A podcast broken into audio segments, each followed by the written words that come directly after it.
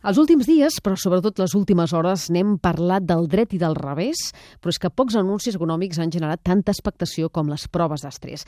Bé, ja sabem quina és la salut doncs, del sector bancari i s'han confirmat els millors pronòstics. La banca espanyola, també la catalana, ha superat amb nota aquest examen. Tenim, per tant, una banca preparada, diuen, per afrontar períodes d'inestabilitat econòmica. Saludem a aquesta hora per analitzar eh, aquests resultats Santiago Carbó Valverde, Bona tarda. Buenas tardes. Eh, bona tarda. Catedràtic d'Economia de la Bangor University a la Gran Bretanya y director de Estudios Financers eh, de Funcas. Desde Madrid, uh, gracias por Encantado. Santiago, ¿podemos respirar tranquilos? ¿Es el final de la mayor crisis bancaria de la historia europea? Bueno, mm, primero yo creo que hay que señalar lo que son los ejercicios de estrés. Los ejercicios de estrés es algo que se va a producir periódicamente, es un ejercicio en el que se mide la capacidad de resistencia de los bancos si viene una recesión, si se hunde el mercado inmobiliario, es decir, en, escenarios estresados. Por eso se utiliza ese, concepto. Es cuando hacemos pruebas de esfuerzo por el corazón, eh, cuando lo hacemos, cuando tenemos que ir al médico, pues esto es como hacer unas pruebas de esfuerzo para la banca. ¿no? Entonces sabemos que en los próximos meses o en el próximo año el sector financiero parece que puede resistir pues un proceso de desaceleración de la economía o de recesión o de, o de malos datos económicos. Eso es lo que sabemos.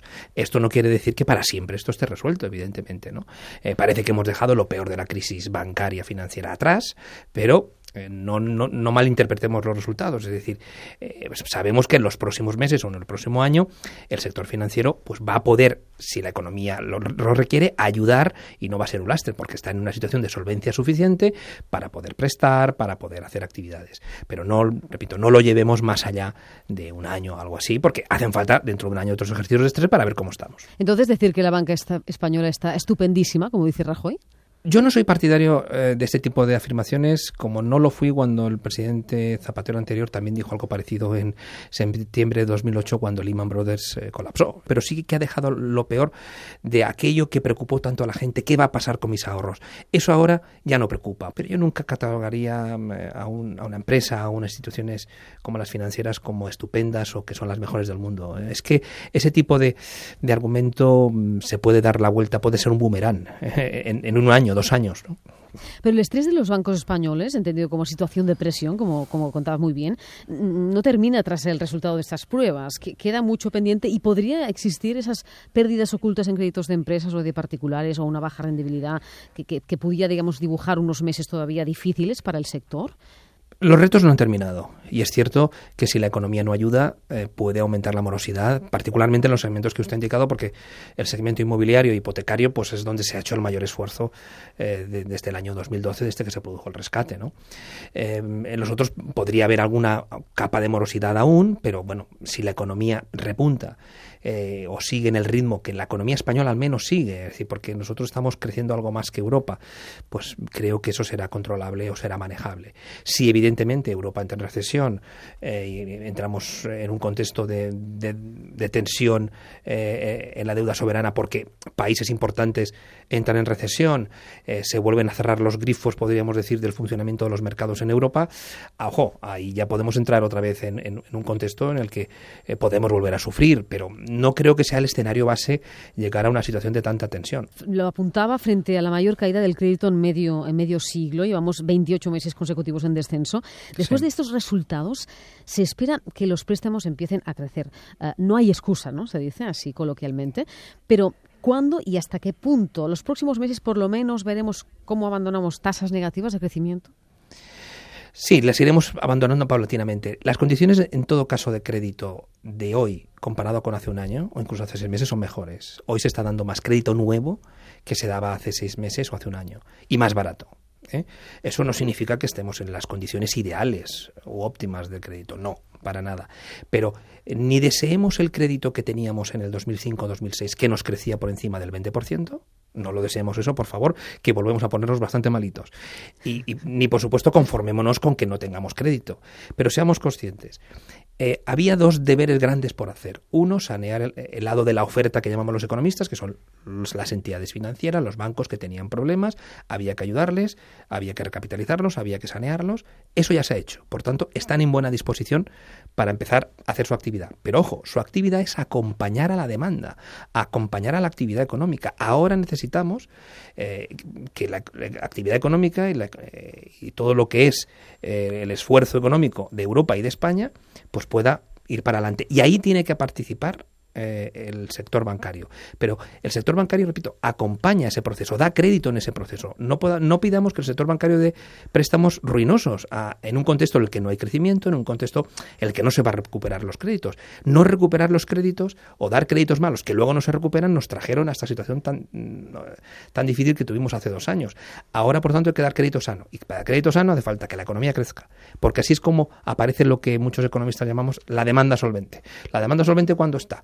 Pues cuando, evidentemente, el proyecto es bueno, pero un proyecto bueno puede fracasar si no estamos creciendo, pues estamos en un mal contexto. Entonces hace falta que sea un proyecto bueno y que además estemos en un contexto económico más favorable, que parece que estemos. ¿eh?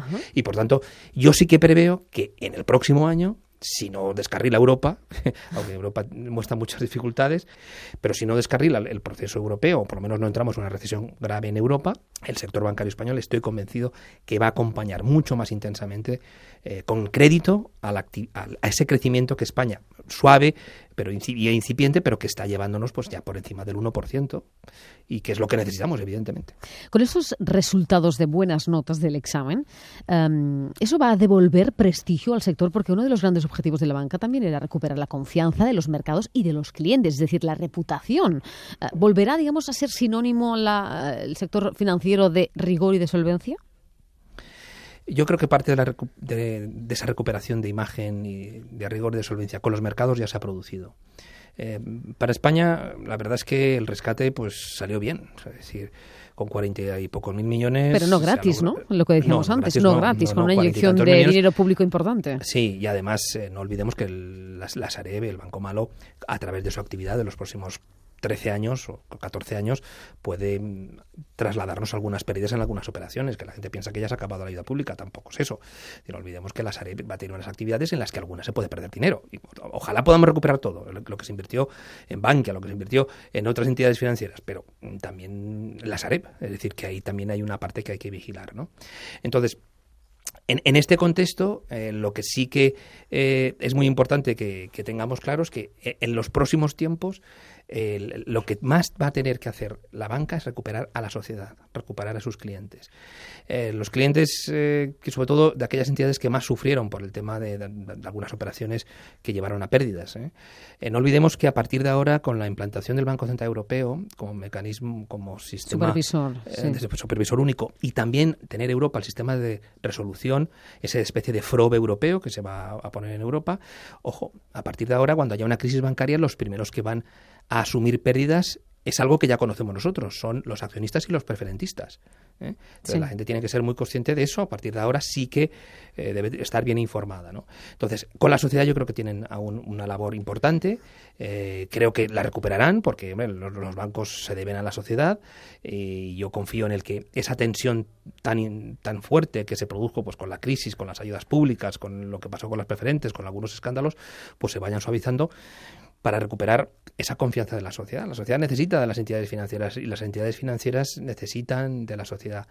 Y las entidades financieras es su gran reto, además de su solvencia, su reto de futuro está en, en qué negocio eh, van a poder realizar y va a ser rentable eh, y que no se lo quiten otras, mm, otros agentes, otras plataformas. No olvidemos que hoy por Internet es fácil conseguir un crédito o algunas posibilidades de financiación. Está el crowdfunding, eh, ya vemos como plataformas como Amazon, Google o el, mismo, mm, los, mismos iPhone ya te permiten hacer pagos. Es decir, el sector bancario va a tener que de algún modo reconfigurarse para poder hacer competencia ya no a otras entidades bancarias, sino a lo que le viene encima. Y ahí, es decir, ese rediseño de su, de su negocio casi es un reto más importante hoy que, la solvencia. La solvencia siempre lo es, pero es muy importante el futuro. Usted que, fue asesor también del Banco Central Europeo, eh, mm, brevemente, de forma muy, muy clara y sintética, eh, ¿por qué ahora tenemos que creernos los, resultados? ¿Qué diferencias se han incorporado para que las pruebas sean ahora realmente creíbles cuando los test de estrés, digamos, que se hicieron en 2010-2011, eh,